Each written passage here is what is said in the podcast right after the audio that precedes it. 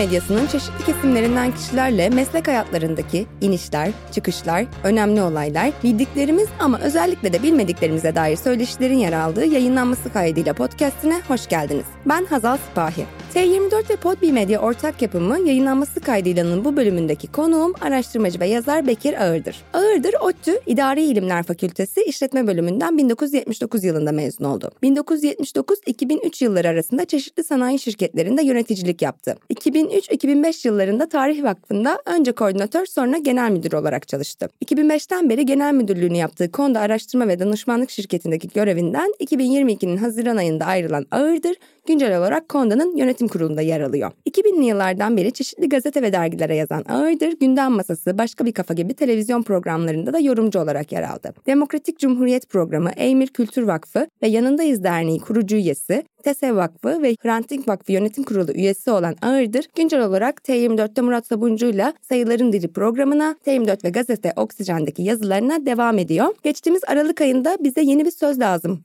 isimli ikinci kitabı yayınlanan Bekir Ardır'la şu anda Potbean'in stüdyosundayız. Karşılıklı oturuyoruz. Hoş geldiniz Bekir Bey. Nasılsınız? Merhaba, teşekkürler. Aydınlık bir günde aydınlık genç insanlarla bir arada olmak güzel. Çok çok teşekkürler. Ee, hemen ilk sorumla başlıyorum. Kariyerinize baktığımızda üç üst başlıktan bahsedebiliriz. Özel sektörde yöneticilik, sivil toplum ve medya. Bu üç damar yıllar içerisinde birbirini nasıl besledi? Şöyle başladı. Benim kuşağım tabii zaten oldum bittim siyasiydi. Memleket meselelerine aktif katılımcıydı. Ben 73-79 ODTÜ öğrencisiydim. Dolayısıyla o 80 öncesi gençlik hareketlerinin içinde kenarından köşesinden bulunmuştuk ama hepimiz memleket meselesiyle çok aktif olarak uğraşıyorduk. Sonra iş hayatında 90'lardan itibaren ilk 10 yıl hani hayata tutunmak diyelim kendi hayatımızı, özel hayatımızı kurgulamakla meşgul olurken 90'ların başından itibaren yineden Türkiye siyaseti ve Türkiye'nin geleceğiyle ilgilenmeye başladım. Dolayısıyla 94'ten itibaren de sivil toplumda da aktif görev almaya başladım. Türkiye'nin tıkandığı yıllardı. Şimdiki gibi yeniden işte 30 sene önce de aynı problemlerle uğraşıyorduk. Ülkenin sorunlarını çözemeyen siyasi iktidarlar, ülkenin sorunlarından apayrı bir yere savrulmuş siyasi aktörler, vesaire. Dolayısıyla 2002'ye kadar da özel sektörde çalışırken de bir yandan sivil toplumda en azından hani daha çok policy making diyelim. Particilik tarafıyla değil siyasetin ama ülkenin sorunları örneğin Kürt meselesi nasıl çözülecek? Layıklık, başörtüsü meselesinin çok yükseldiği dönemlerde ilgilenmeye başlamıştım. 2002'de artık özel sektörden emekli olup tümülen sivil toplumda çalışacağım diye bir yaşam tercihinde bulundum. Ve Tarih Vakfı maceram da öyle başladı. Dolayısıyla oradan 2005'ten itibaren Konda maceram başladı. Benim medya tarafım yani üçüncü kariyerim diyelim. Medya tarafım biraz da 2009'dan itibaren yani 2007-2008'de Konda'daki bazı araştırmalar vesilesiyle medyanın önüne çıkmaya başlamıştım ama. Radikale de yazıyordunuz sanırım. Yani düzenli değil ama işte Radikal 2 vardı o zamanlar. Zaman zaman oraya yazıyordum. Daha sonra özellikle kutuplaşma meselesi Türkiye'de önemli olduğunu biz sayılarla da bulgularımızla da desteklemeye başlayınca kamuoyunun dikkatini çekmek ve bu gidişatın bugünkü duruma geleceğini 10-12 sene önce söylemek amacıyla radikalde uzun diziler halinde kutuplaşma, varoşlar falan hı hı. gibi e, bir takım diziler yayınlamıştım. 2010'dan itibaren de televizyon programları ve medyada daha görünür olmak başladı. Evet. Dolayısıyla hani yan yana başlayan ama zaman zaman öbür tarafın öne geçerek hani birdenbire A'dan Z'ye B'ye geçiş gibi olmadı belki de. Hı hı hep birisi varken öbürü başlamış oldu ama sonra giderek o yeni olan güçlendi. Daha önce de karşılaşmıştım ama bu söyleşiye hazırlanırken daha fazla dikkatimi çekti ve karşıma çıktı. Online forumlarda, sözlüklerde insanların siyasete girmesini istediği birisiniz. Cumhurbaşkanı adayım Bekir Ağırdır, işte aday olun, oy verelim gibi ifadeler tekrarlanıyor. Bu kariyeriniz üç başlıkta konuşmuştuk. Peki buna siyaseti eklemeyi siz düşünüyor musunuz? Hayır. Siyaseti bir kere ben siyasetin demin de dediğim gibi parti particilik tarafı ilgimi çekmiyor. Çünkü Türkiye'deki siyasi düzeni ya da parti yapılarını belirleyen yasal zeminin doğru olmadığı gibi bir kanaatim var. Ve böyle bir yasal zemin içinde siyaseti particilik gözüyle yapıyor olmanın insanları körelten ve de amaçları dışına çıkartan bir faaliyet alanı haline dönüştüğü gibi bir kanaatim var. Onun için ben ülkenin meseleleriyle meşgul olmayı tercih ediyorum. Hala çözüm sürü ne olması gerektiği konusunda. O yüzden de bu tür bir kariyer hesabım hiç yok. Öyle bir hayalim de yok. Onun belki de bunun getirdiği özgürlükle daha doğal, daha rahat konuşabiliyorum ya da partilerle de belki o özgürlük içinde daha doğal, daha rahat bir ilişki kurabiliyorum. Ama particilik şu andaki hayalimde bugünkü siyasi zemin içinde yok. Yaklaşık 25 yıl boyunca çeşitli sanayi şirketlerinde yöneticilik yaptıktan sonra 2003 yılında Tarih Vakfı'nın önce koordinatörü sonra genel müdürü oluyorsunuz. Böyle bir kariyer hamlesi yani aslında sivil toplumda bundan sonra var olmaya karar verdiğim dediğiniz yer sebebi neydi? Neden böyle bir geçiş oldu? Hayır şöyle bir şey yani şimdi bizim gibi insanlar yani gençliğinden beri gönlünde hep bir memleket sevdası olan, memleketin geleceği için burnunun direği sızlayan insanlar için yapılabilecek işler belli bu ülkede. Yani evet bir siyasete dahil olacaksınız. Ama demin dediğim gibi bugünkü siyasal yapılarda bu çok da mümkün değil. Yani olamıyor ne yazık ki birçok arkadaşımız, dostumuz bu tarafına da denediği işin ama birbirlerine benziyorlar ya da benzetiyorlar sizi o yapı. Kendilerine uyduruyor bir saatten sonra. Dolayısıyla sivil toplum ise bugün hele 25 yıl önce biraz daha farklıydı tabii. Tam yeni Türkiye'de yeşermeye başlamıştı 90'lardan itibaren. 28 Şubat'tan itibaren kadın hareketi hareketinde özellikle daha sonra Yeşil Hareket, Çevre Hareketi'nde çok ciddi enerji birikmeye başlamıştı. Ben sivil toplum derken ama bu mecburi üye olunulan odaları falan saymıyorum. Onlar yani kitle örgütleri evet ama bir yasal zemin var ve üye olunması da zorunlu. Benim kastettiğim gönüllü katkıda bulunduğunuz sivil toplum tarafı. Dolayısıyla orada bir saatten sonra özel sektörde yönetici olmak aklınızdakilerle gönlünüzdekilerin çelişik olma halini doğuruyor. Bir yandan evet sorumlu olduğunuz bir iş var, üretim var, somut üretim var sonuçta bir ay sonunda bir bilanço kar zarar hesabı var. İstesek de istemesek de o hayatın gereklerini yapıyorsunuz ama bir yandan da ülkenin de başka tarafta başka meseleleri var. Dolayısıyla bir yerden sonra gönlünüzün çektiği bir yere doğru çekiyorsunuz. Ben de hep böyle tanımladım kendimi. Yani aklımla gönlümün çeliştiği noktalarda gönlümünkini tercih ettim. Kitabınızda bahsediyorsunuz. Farklı tarih bilgileri, farklı tarih anlayışlarını ve farklı tarih yazımlarını beraberinde getiriyor diyorsunuz. Tarih Vakfı'ndayken siz nasıl bir duruş sergileme gayretindeydiniz?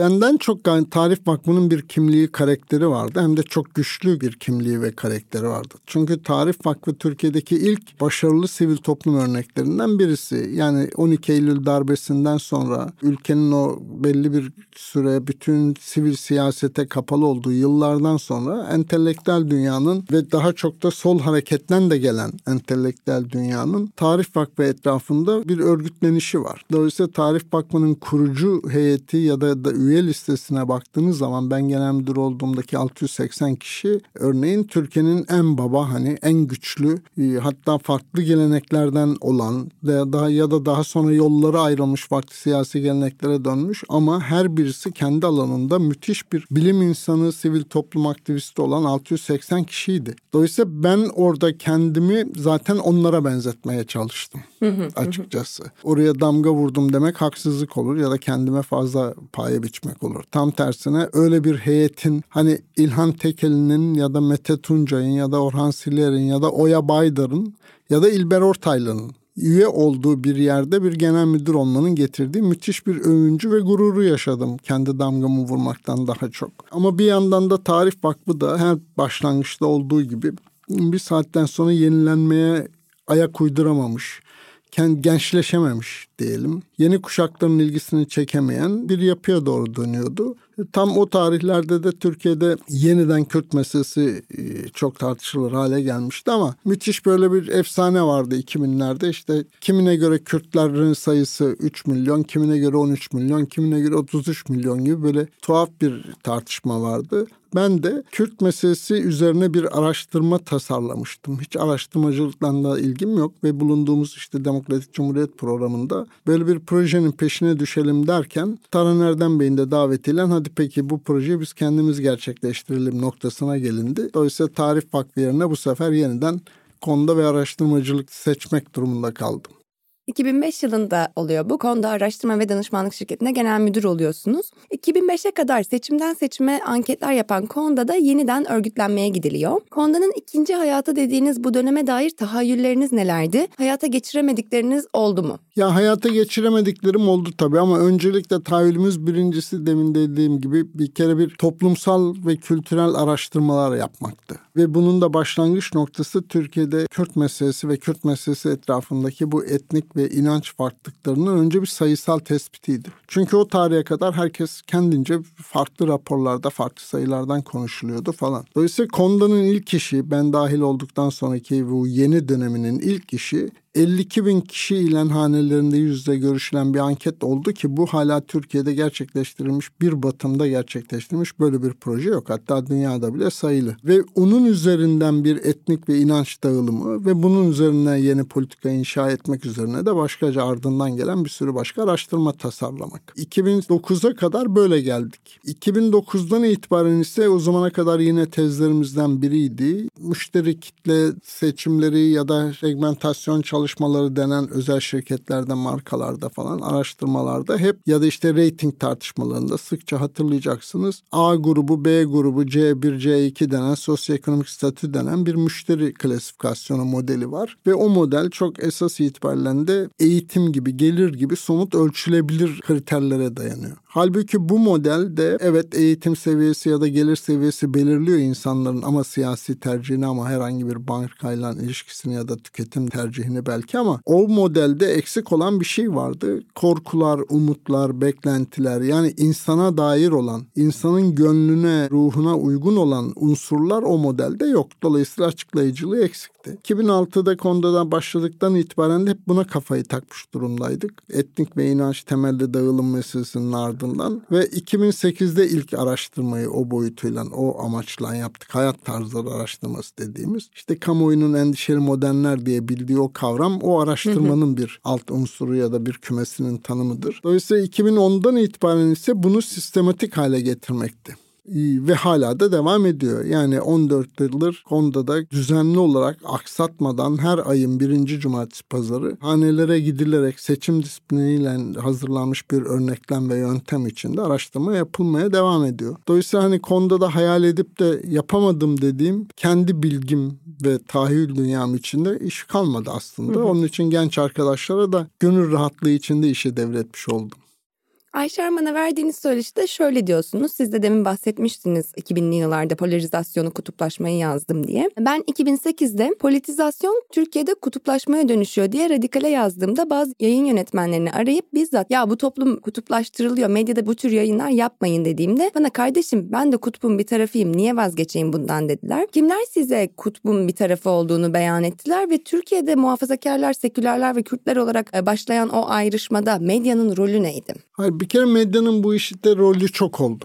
Yani hani çok bariz bir örnek. Örneğin Milli Güvenlik Kurulu toplantısı yapılıyor. Milli Güvenlik Kurulu toplantısının ardından bir bildiri yayınlanıyor. Bakıyorsun medyanın bir tarafında o Milli Güvenlik Kurulu bildirisinin birinci paragrafı öne çıkarılmış ve işte efendim irticai faaliyetler gözden geçirildi Milli Güvenlik Kurulu'nda yazıyor. İkinci paragrafında ise efendim dini ritüeller ya da işte din eğitimi konusunda şunlar konuşuldu denen kısmında öbür tarafta öne çıkarılıyor. Sanırsın ki iki gazetenin ana manşet haberini okuduğun zaman ülkede iki ayrı Milli Güvenlik Kurulu toplantısı yapılmış gibi. Tüm bunlar yaşandı geldi. Yani kutuplaşma dediğimiz şey şey Türkiye'de birdenbire oluşmadı. Elbette farklılıklar hep vardı bu topraklarda. Yani din veya inanç temelli ya da etnik temelli ya da hayat tarzı temelli farklılaşmalar hep oldu. Ama esas itibariyle bu farklılıkların kendini mağdur hisseden kesimleri devletle olan bir gerilim biçiminde yaşandı bu. Yani Kürtlerin devletten talepleri vardı. Alevilerin devletten talepleri vardı. Muhafazakarların, başörtülü kızların devletten talebi vardı falan. Farklılaşmakta olan şey bizim tespit kastettiğimiz şey kutuplaşma dediğimiz belki önce tanımından başlamak lazım. Benim kutuplaşma tanımım şu. Herhangi bir problemi o problemin kendi dinamikleri içinde dikkate almadan, değerlendirmeden kategorik olarak pozisyon almak. Hı hı. Doğru veya yanlış diye. Ve o doğru veya yanlış diye pozisyon alırken kullandığınız referanslar da bulunduğunuz pozisyon. Meselenin kendi dinamiklerini analiz etmek değil. Dolayısıyla bu giderek bir süre sonra birbirine karşı duyarsızlaşmak, birbirine karşı sağırlaşmak, birbirine karşı dilsizleşmek üretiyor ve kategorik olarak toplum hiçbir meseleyi sağlıklı bir biçimde tartışamıyor. Örneğin o tarihlerde yani 2008'den önceden söz söz ediyorum. Asker gerektiğinde darbe yapabilir fikrini bile destekleyen neredeyse yüzde 30-35 insan vardı mesela çok açıktan. Dolayısıyla bunun tetikleyicisi sadece siyasetçiler olmadı.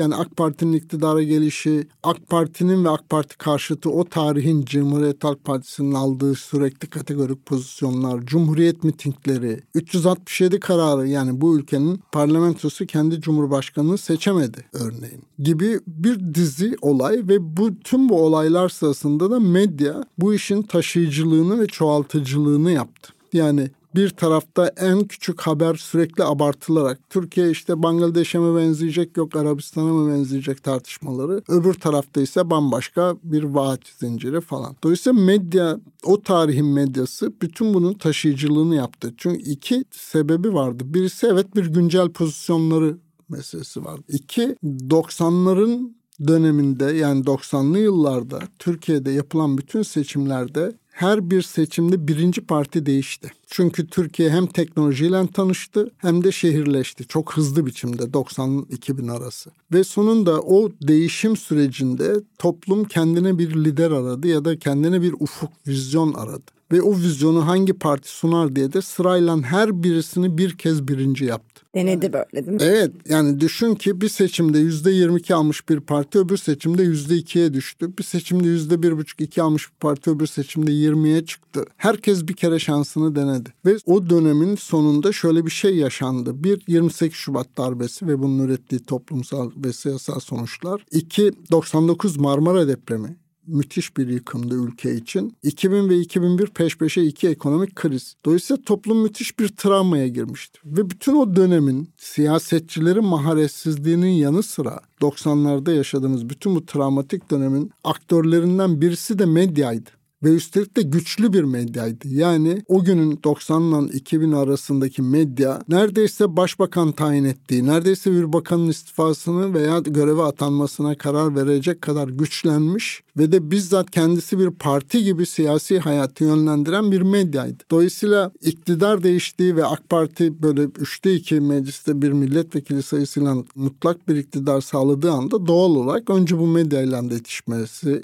ya da hedeflemesi ana siyasi araçların şeyinden yöntemlerinden biriydi ve medya hem kendi o eski gücünü koruma güdüsüyle hem de gerçekten de bir yandan samimiyetle ülke şeriata mı gidecek böyle dinli referansları güçlü bir partiyle başka bir yere mi savrulacak kaygısıyla bizzati bu kutuplaşmanın ana unsurlarından birisi oldu. Ve bundan da memnun olarak devam ettiler. Yani bilmeden yaptılar değil haber seçimlerinden başlıklara kadar yani ben bir gazetede mesela yanlış hatırlamıyorsam Kürdün Kara Kışı diye bir başlık hatırlıyorum mesela. Niye? İşte bir askeri harekat yapılmış. Kürdün kara kışı. Yani askeri harekat PKK'ya karşı ama bütün Kürtleri böyle PKK'lı gören. Ya da ne bileyim işte bir takım başka siyasi haberlerde. Dolayısıyla medya bu işte masum davranmadı. Tam tersine kutuplaşmayı çoğaltıcı bir unsur üretti ve de toplumda hem hakikatten ilişkisinin bozulmasında da payı oldu hem de kutuplaşmasında da payı oldu. 2012 yılının sonunda Ahmet Altan, Yasemin Çongar ve Neşe Düzel'in Taraf gazetesinden istifa etmesinin ardından gazetede yazmaya başlıyorsunuz. Ama 6 ay sonra siz de yazmayı bırakıyorsunuz. Katkı sağlamak amacıyla dahil olduğunuz taraf sürecini sizden dinleyebilir miyiz? Ya benim tarafa dahil olmam tümüyle tesadüf.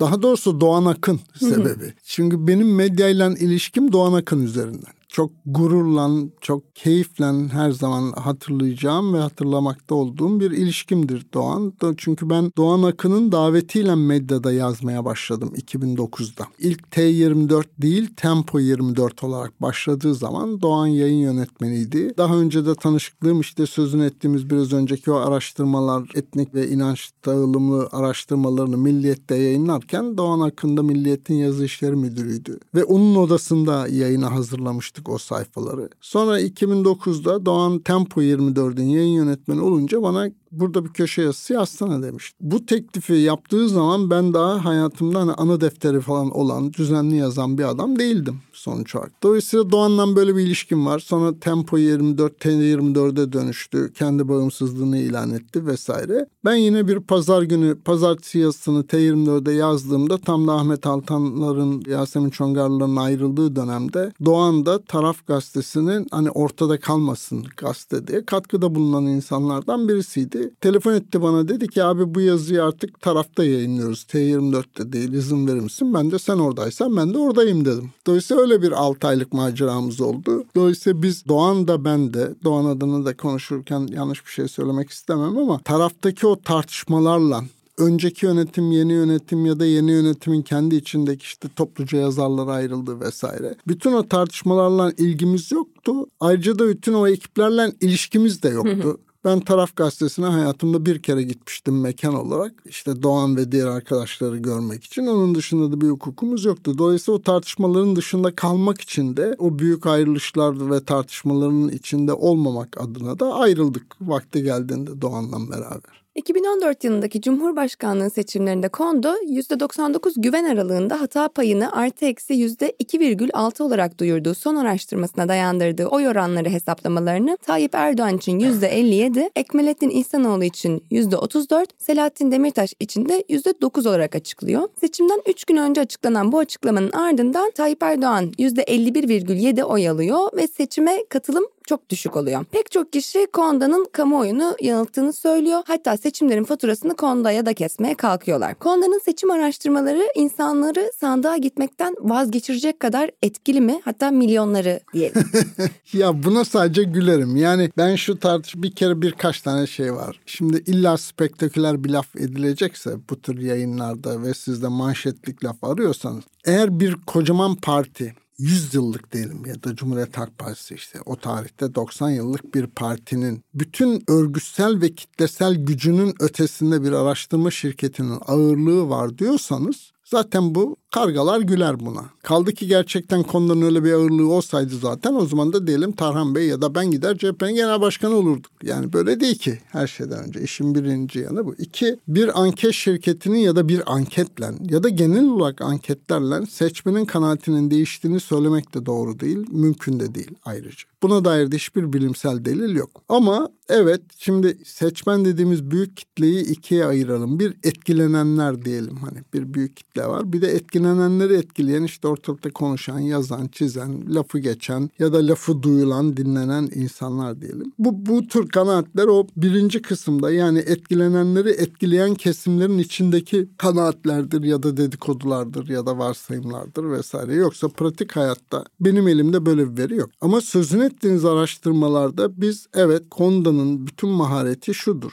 eğer sözünü ettiğiniz gibi yanlışlarına rağmen bile hala bugün bile sözü dinlenen ya da bir araştırması dikkate alınan bir marka veya şirket konuşuyorsak bunu sağlayan şey konuda ölçtüğü şeyi kirletmez. Yani kendi fikrimiz ne olursa olsun, kendi temennimiz, beklentimiz, umudumuz ya da kendi siyasi faaliyetimiz ne olursa olsun. Ölçtüğümüz şey neyse onu yayınlarız. Bu eğridir, doğrudur da demeyiz. O yüzden bu samimiyetin getirdiği özgürlük bir itibar var ortada. İki, konuda doğrudan bir aday için ya da bir parti için çalışmaz. Konda denilen yerin ciroları da işleri de o kadar komiktir ki çünkü Konda hala da öyle. Herhangi bir devlet ihalesine girmez. Herhangi bir belediye ihalesine girmez. Doğrudan bir siyasetçiyle partiyle çalışmaz. Ama buna rağmen yaptığı işte evet yanlış ölçüm olur, yöntemi yanlış kullanmıştır ya da illa yöntem de yanlış olmayabilir, ölçüm de de o yanlış olmayabilir. seçmenin kanaati gerçekten değişmiş de olabilir. Çünkü sonuçta yaptığınız araştırma seçimden 7 gün önce. Hı hı. Aradaki 7 günün de etkileri olabilir. Kaldı ki sözünü ettiğiniz Cumhurbaşkanlığı seçiminde nitekim seçime katılma oranı çok düşük oldu. Hı hı. Yani Erdoğan alabileceği oydan eksik kalmış oldu aslında. Ben hala samimiyetten o araştırmamızın doğruluğuna inanıyorum. Ama kamuoyu ve da kamuoyunun belli tarafları genellikle bu tür spekülasyonları çok sever. Çünkü kendi kanaatinin ya da kendi yapması gerekenin eksik yaptığını kabullenmek yerine karşı tarafı suçlamak daha kolaydır. Nitekim o seçimden sonra da parti başkanları bile suçladılar Konda'yı. Ama o parti başkanları çalışmaya devam etti. Genel başkanlıkları da devam etti. Hala o günden bugüne hiçbir partinin genel başkanı da değişmiş değil. Kendi rızalarıyla da o görevlerden vazgeçmiş değiller. Bütün bu seçim kaybetmelere rağmen. Onun için ben kendi adıma Tabii ki bu tür bir hani gerçek hayattan açıkladığınız sayı arasındaki farklılık karşısında mahcup olmanız, yerin dibine girmeniz, bütün bu duygusal travmaları yaşarsanız ama bu işin bedeli de budur. Eğer biz temennilerimize göre davranmaya başlarsak araştırmacı olunmaz ya da zaten bugünkü gibi itibar sahibi bir araştırmacı olunmaz. İtibar sahibi bir araştırmacı olacaksanız hatasıyla sevabıyla bir bilimsel bir yöntem olan bu araştırma yönteminin o bilimsel kurallarından hiç vazgeçmeyeceksiniz. İki, temennilerinize bağlı olarak da sayıları oynamaya kalkışmayacaksınız. Bizim de yaptığımız budur. Ama arada yanlış ölçümler, mahcup olduklarımız ya da çok gururlandıklarımız da var. Ama gururlandıklarımızı söylemediğim gibi ya da ikide bir bunu öne çıkarmadığımız gibi ya da Konda'nın web sitesine girerseniz şu seçimleri bildik biz diye bir böyle kendine destan da yoktur. Neyi bildik bölümü falan Yani dolayısıyla yayınladığımız bütün basın açıklamalarının hepsi de doğru olanı yanlış olanı hepsi de medyada web sitemizde de hala durur. Bu olayın ardından Tarhan Erdem'in özür metni yayınlanıyor. Bugün pek çok araştırma şirketi sonuçlarında yanına bildiğini görüyoruz ama pek böyle hiçbir özür görmediğimiz de aşikar. Sadece özür de değil başka bir şey daha yaptık. Bütün yöntemimizi Evet. Bütün verilerimizi her türlü akademik incelemeye açtık kamuoyuna. Hı hı, hı. Ve nitekim de incelendi. Bizden başka da hala tarihte Türkiye Cumhuriyeti tarihinde hiçbir araştırma şirketi yoktur ki verilerini seçimden sonra bilsin veya bilmesin kamuoyunun incelemesine açmış olsun. Peki böylesi durumlarda özür dilemek ve şeffaflık neden önemli? İşte biraz önce söz ettiğim gibi sözünüzün güvenilirliği için önemli. NTV için 2014 yılında Gündem Masası, 2018 yılında Başka Bir Kafa isimli programlarda yorumcu olarak yer alıyorsunuz. 2019'dan beri internet üzerinden yayın yapan T24'te Murat Sabuncu ile beraber Sayıların Dili programını yapıyorsunuz. İşte Gayin'de video içerik platformunda Güzel Sayılar isimli bir programınız yer alıyor. Ama sizde de bir böyle ekranlarda dijitale geçişi, internet medyasına geçişi görüyoruz. Doğru. Bu geçiş bilinçli mi? Bu bir strateji mi? Durumlar öyle gelişti diye mi? Siz nasıl okuyorsunuz? Yani ben artık internette olmalıyım, insanlara buradan mı ulaşayım dediniz? Yoksa televizyonlarda zaten artık konuşmamı istemiyorlar mı? Tam olarak ne oluyor? Ya çok bilinçli strateji desem abartmış olurum. Öyle bilinçli strateji değil. Ama şu tür bir stratejim var. Yani hala da öyle. Ben medya maydanozu olmak diyorum. Medya maydanozu olmaktan kaçınıyorum. Yani her gün her davetlen bir kanala çıkıp konuşmak ya da bir YouTube kanalında konuşmaktan kaçınıyorum her şeyden önce. Çünkü lafın değeri düşüyor. Bir, iki kendinizi tekrarlıyorsunuz. Yani her günde söylenecek cümlelerim yok doğrusunu istersen. Yani o kadar da böyle hayatımınla ilgili değil. Bir yanı bu. İki, böyle televizyon kanallarındaki işte araştırmacılar tuzluk gibi yan yana sıralanıyor. Kimin sayısı ki, neymiş de öbürünün sayısı mı eğri mi doğru mu? Bu tür tartışma programlarından da kaçınıyorum. Katılmıyorum ya da katılımcılar belli zaten 15 yıldır aynı cümleleri kuran, aynı pozisyonları alan insanlarsa programda yanımda olacağım, yanında olacağım insanlar o programlara da katılmıyorum. Strateji ise evet bu tür stratejilerim var. Ama internet medyası meselesi tabii Türkiye'de hem biraz önce sözünü ettiğimiz medya değişti bu arada. Yani hem medyanın gücü hem de bir yandan da teknolojik olarak hayat değişiyor. Yani artık basılı medya hem Türkiye'deki örneğin bugün gazetelerin en çok satıyor denen gazete bile 40 bin 50 binlerden konuşuyorsak milyonların sattığı dönemleri biliyoruz. Ya da bizim ilk hayat tarzı araştırmalarını 2008'de yaptık baktığımız zaman Posta Gazetesi milyon, e, Radikal Gazetesi 300-400 bin, Hürriyet Gazetesi 700 bin yanlış hatırlamıyorsam basıyordu. Bugün artık öyle sayılar falan yok. Yani medyadaki teknolojik olarak ve bugünkü hayat ritmi içinde değişip geliyor ve dijitale doğru kayıyor. Dolayısıyla özel olarak dijitale kayayım diye bir stratejim olmadığı ise de geleneksel televizyon kanallarında da hayatımız tabii 2019'dan itibaren değişmeye başladı. Çünkü 2018 başkanlık rejimine geçişten itibaren iktidar evet oldum bittim yani bu dönemin bu AK Parti iktidarı oldum bittim medyayı denetlemek ister. Gazetelerin mülkiyetlerine bile müdahale eder. Vergi yol cezaları yoluyla onları terbiye etmeye çalışırdı falan ama 2018'den sonra başka bir noktaya geldi. Artık medyaya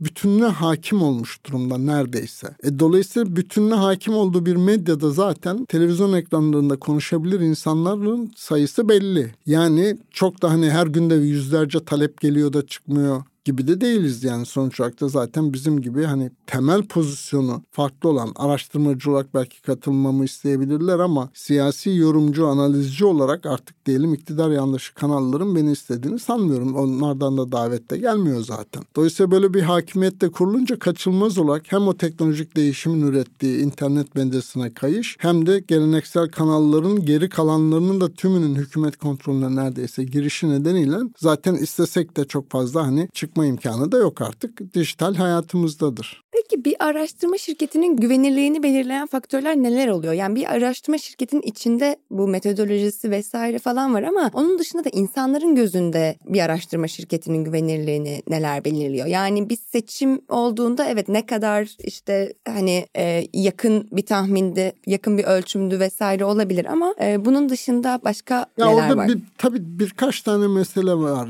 Birincisi elbette hani kamuoyunun da hani bir tek başarı ölçüsü seçimi bildi bilmedi meselesi gibi görünüyor. Ama bir yandan da gerçek bu değil. Yani hem gereken de bu değil hem de kamuoyu da gerçekten sadece o bilen bilmeyene göre bakmıyor bir yandan da. Öyle sanılıyor ama öyle değil gerçekten de. Burada mesele biz bütün bu tartışmalar yani bir araştırma meselesini sadece seçimin sonucunu bilmeye indirgemek doğru değil. Çünkü diyelim Konda'nın da faaliyeti içinde seçimi bildi bilmedi denen kısmı belki de toplam faaliyetin yüzde beşi bile değil. Biz daha çok toplumsal ve kültürel dokuya dair araştırmalar yapıyoruz. Örneğin Türkiye insanının gelecek algısı kaç yıldan kaç yıla düştü türü bir araştırma Konda'nın yaptığının dışında herhangi bir akademik çalışmada da yok Türkiye'de mesela. Ya da Türkiye insanı sorun dediği şeyi nasıl çözer? Kimler dövüşür, kimler uzlaşır, kimler mahkemeye gider türü bir araştırma da akademik dünya dahil Konda'nın yaptıkları dışında yok mesela. Ya da Türkiye insanı üzüntüsünü nasıl yaşar, kimler doğaya sarar, kimler içkiye vurur kendini araştırması da akademik dünya dahil Konda'nın yaptığı dışında yok mesela.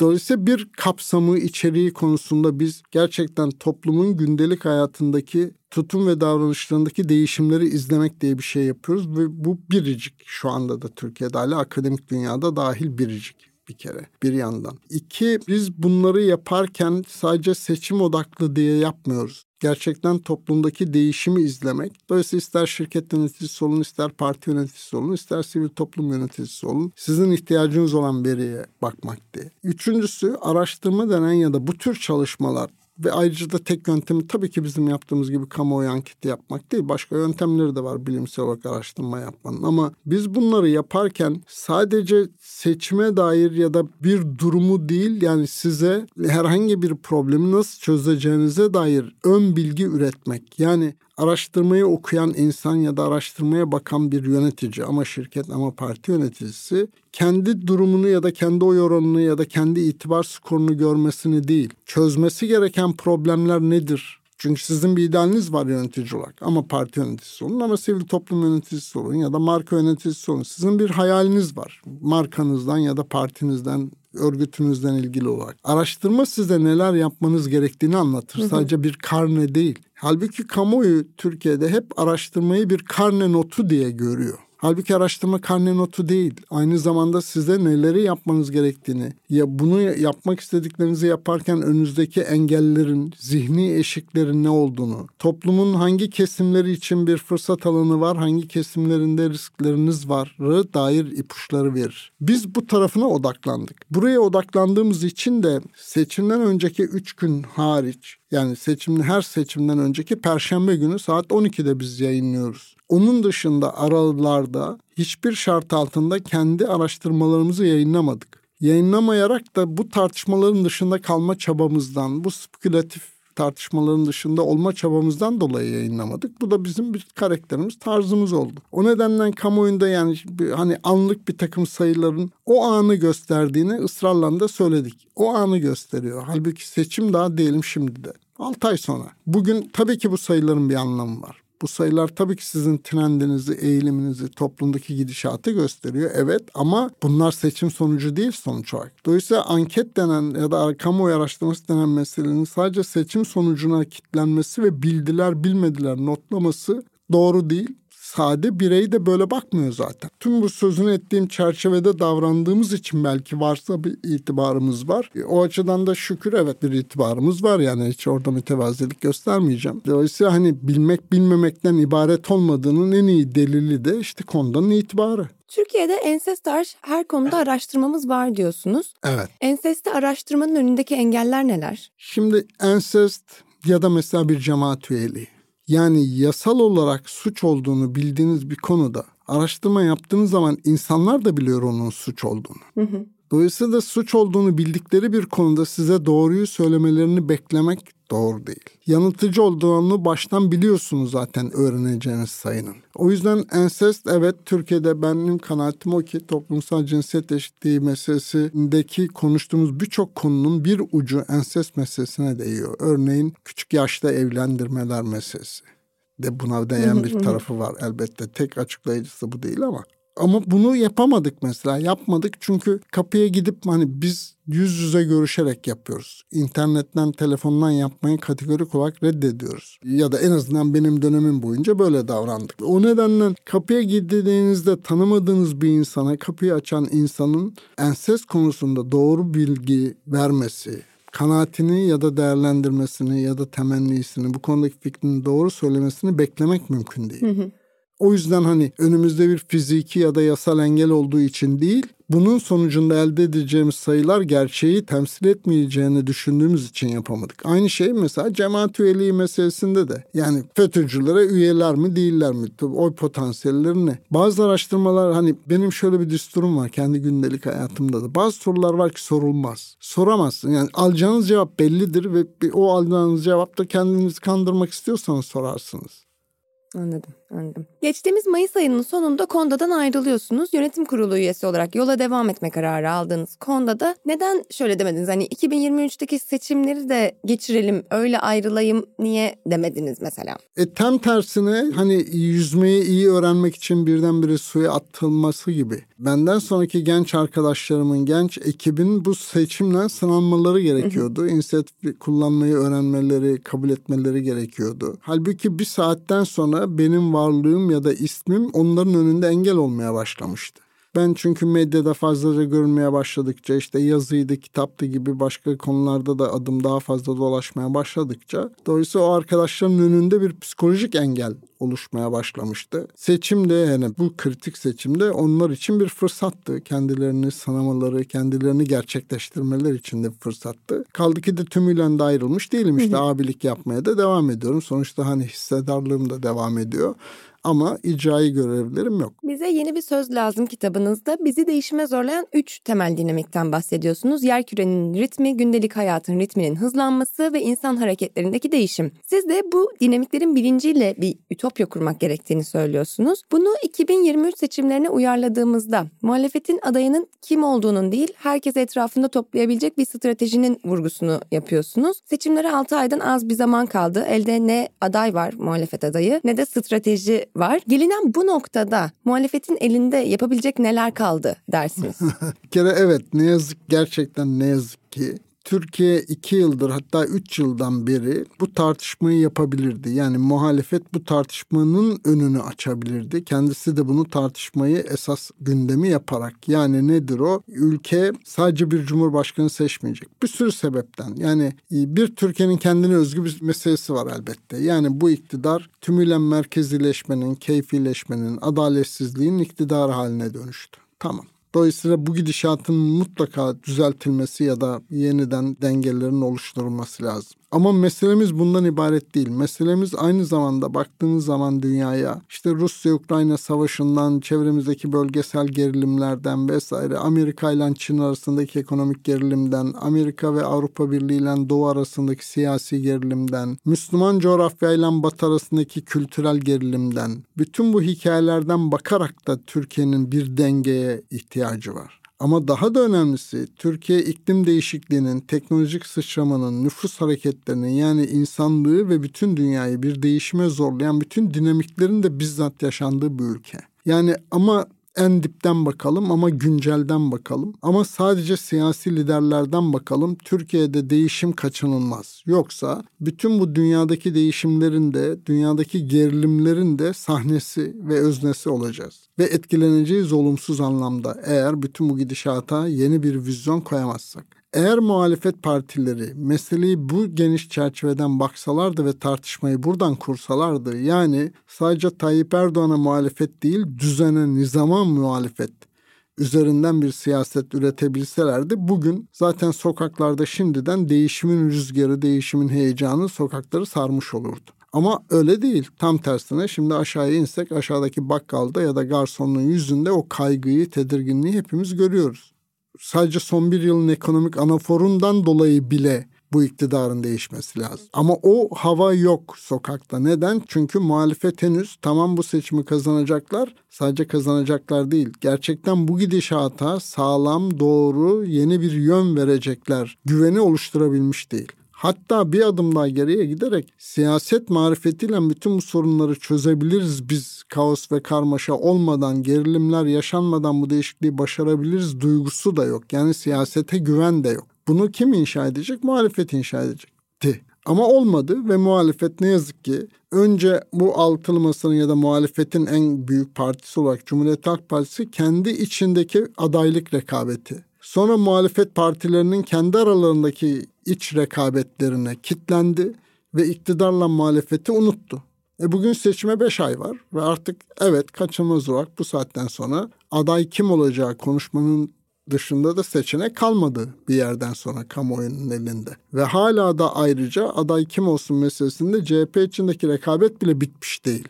Dolayısıyla şu anda karşı karşıya olduğumuz şey hala kimin aday olacağına dair kampanyalar ve tartışmalar. Halbuki bizim demin dediğim gibi bütün bunları aşmamız lazım. Bizim bambaşka şeyleri tartışıyor olmamız lazımdı ama ne yazık ki öyle olmadı.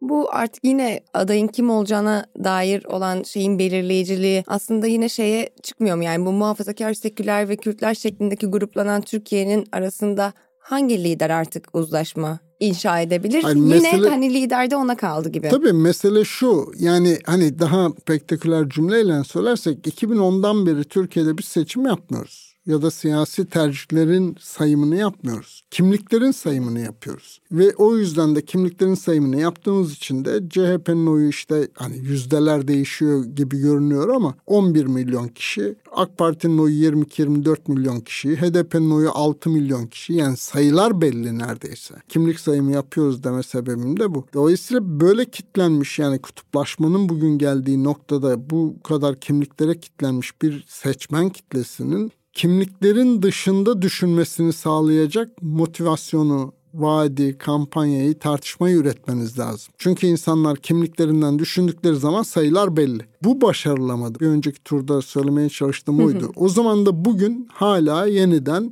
Erdoğan'ı koruyalım ya da AK Parti yandaşları muhafazakarların önemlice bir kesimi diyelim. E bu tarafta hayır Erdoğan değişmelidir mutlaka diyenler ve Kürtler. Yani şimdi buraya geldiği zaman iş oyun planınız artık işe yaramıyor. Sayılar belli. Kimlik sayımı yapılıyor ya dönüyor. O nedenle de şimdi artık aranan şey ne? Madem ki bütün o önceki fikri değişiklik yaratılamadığı seçmenin başka bir güdüyle düşünmesi, kimliğini aşarak başka bir gereklilikten, ihtiyaçtan, talepten oy vermesini sağlayamadığınıza göre o zaman iş şimdi siyasi mühendisliğe kalıyor. Yani kim aday olursa Kürtlerin de oyunu alır, muhafazkarların AK Parti'den şikayetçi olanlarının oyunu alır ve burada da sekülerlerin oyu da zaten elde var bir işte şu kadar milyon insan zaten nasıl olsa bana oy verecek hesabına kalıyor. E bu sağlıklı bir seçim olmuyor o zaman. Veya zaten hala son dakikaya kadar da herkesin yüreği ağzında bekleyeceği bir sonuç üretiyor. Ve bu Türkiye için buradan da çıkış üremesi mümkün görünmüyor.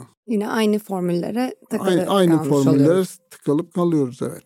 Eskinin muhafazakar seküler Kürt şeklindeki üç Türkiye'si şimdi yoksulluk ve adaletsizlik ekseninde yeniden şekilleniyor diyorsunuz. Bu üç Doğru. kesim yaşadıkları yoksulluk ve adaletsizlikten birbirini suçlamadan nasıl uzlaşabilir? Şöyle yani Türkiye'nin temel sorunu ya da toplumsal planda bakınca yani Türkiye'nin ya da siyasi aktörlerin değil ama Türkiye toplumunun temel meselesi bugün yoksulluk ve adaletsizlik ve de iklim değişikliği karşısında bu kadar endişeli olmak ya da teknolojik sıçrama karşısında bu kadar endişeli, kaygılı olmak ya da nüfus hareketleri konusunda bu kadar endişeli, kaygılı olmak. Bugün ortaklaşılan nokta geleceğe dair karamsarlık ve umutsuzluk. Ortak ufku kaybettik. Bir bakıma Türkiye gecikmiş bir modernleşme yaşıyor ve gecikmenin telaşıyla ve de ortak ufuk olmadığı için kutuplaşmalar ve kimliklerin içinden yaşandığı için de bu modernleşme savruk. Yani sokaktan normalin, iyinin, güzelin ne olduğu ya da ayıbın ne olduğunu tanımlamaya kalksak 1500 çeşit farklı ayıp, 1500 çeşit farklı iyi seti çıkabilir karşımıza.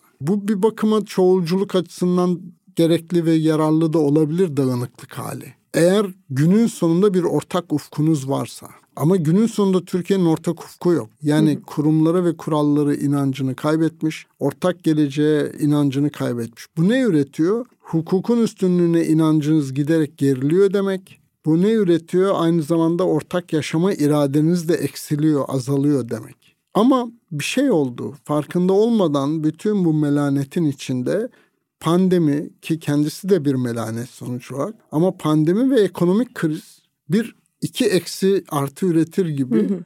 bir yeni durum çıktı ortaya. Nedir o? Çünkü insanlar gördüler ki Covid-19 Türk-Kürt ayrımı yapmıyor. Üniversite mezunu, ilkokul mezunu ayrımı yapmıyor. Zengin fakir ayrımı yapmıyor. Değdiğini yatırıyor. Ya da işsizlik ya da hayat pahalılığı Dolayısıyla kültürel kimliklerin harareti azalırken burada çünkü daha gerçek bir yangın var. Birisi soyut bir yangınlı, öbürü somut bir yangın. Akşam eve giderken sofraya koyacağınız ekmeğin fiyatının, pirincin fiyatının her gün nasıl arttığını görüyorsunuz. Dolayısıyla bu bir fırsat alanıydı ama siyaset de bu fırsat alanını henüz kullanabilmiş değil.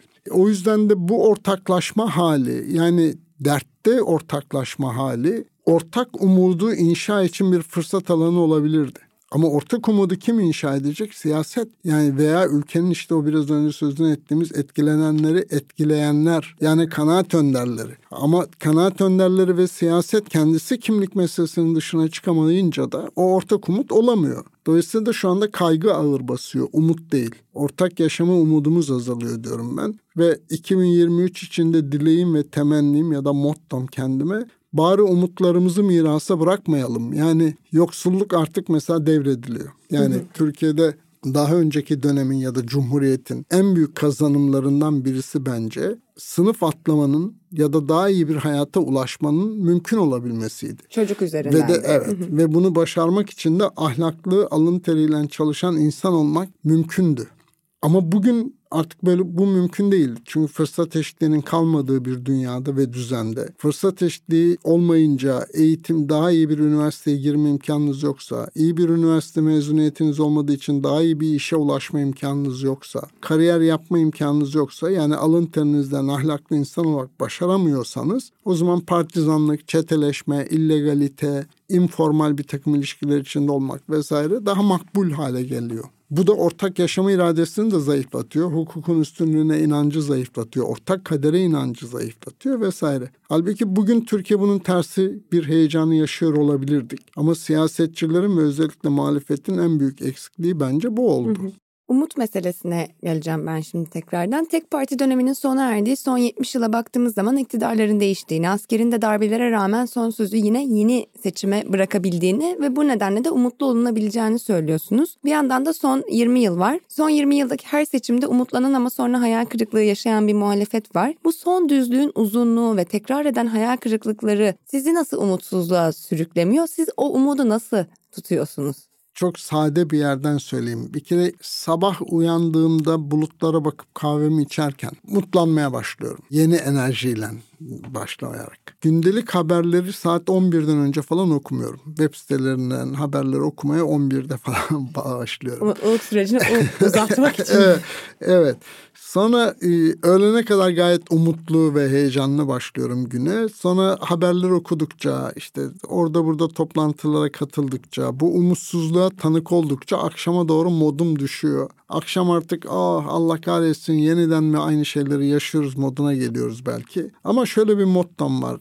Aynaya baktığımda utanmak istemiyorum. Aynadaki kişiden utanmak istemiyorum ve de gönlümün ülkemin geleceği için, memleketin geleceği için de hala dertleniyorum. Yani ruhum öyle çalışıyor. Kendimi eğittiğim için falan değil, aklım böyle çalışıyor, gönlüm de böyle çalışıyor. O yüzden de bir yandan da bakıyorum ve bizim özellikle her araştırmadan sonra Konda'da da her araştırmadan sonra şaşırıyorum mesela. Yani nasıl söyleyeyim insanların, sade bireylerin gerçeklikliğinin ne kadar farkında olduğunu gördükçe tabii ki hani hakikatle ilişkisi bozulmalar bir sürü başka problemi var ama yine de bazı konularda ne kadar gerçekçi olduğunu toplumun ne kadar olan bitenin farkında olduğunu gördükçe de umutlanıyorum. O yüzden araştırmaları gördükçe, gençlere baktıkça özellikle kendim de iki kızım var. Onların hayattan boğuşmalarına baktıkça da umutlanmamak mümkün değil bu toprakların tarihinde var. Hani mehteran yürüyüşünü bizim icat etmiş olmamızın bir sebebi olması lazım diye bir tezim var benim birinci kitabımda uzun uzun yazdığım. Evet bakınca böyle gerçekliklere ya da siyaseten olan bitenlere ya da işte etkilenenleri etkileyenlerin dünyası hani reçelin köpüğü diyorum ben. O reçelin köpüğünün içindeki o şehvetli tartışmalara kocaman kocaman cümlelere bakınca umutsuz olmamak mümkün değil. Ama köpüğü sıyırıp da reçelin tadına bakınca da bu ülkenin insanının değişim arzusu arzusunu, gidişattan şikayetini, kendi sorunlarını çözme maharetini, belirsizlikle mücadele maharetini gördükçe de umutlanıyorum doğrusunu istersen. Onun için umudumu da umutsuzluğumu da yaratan şey gerçek hayat aslında öyle söyleyeyim.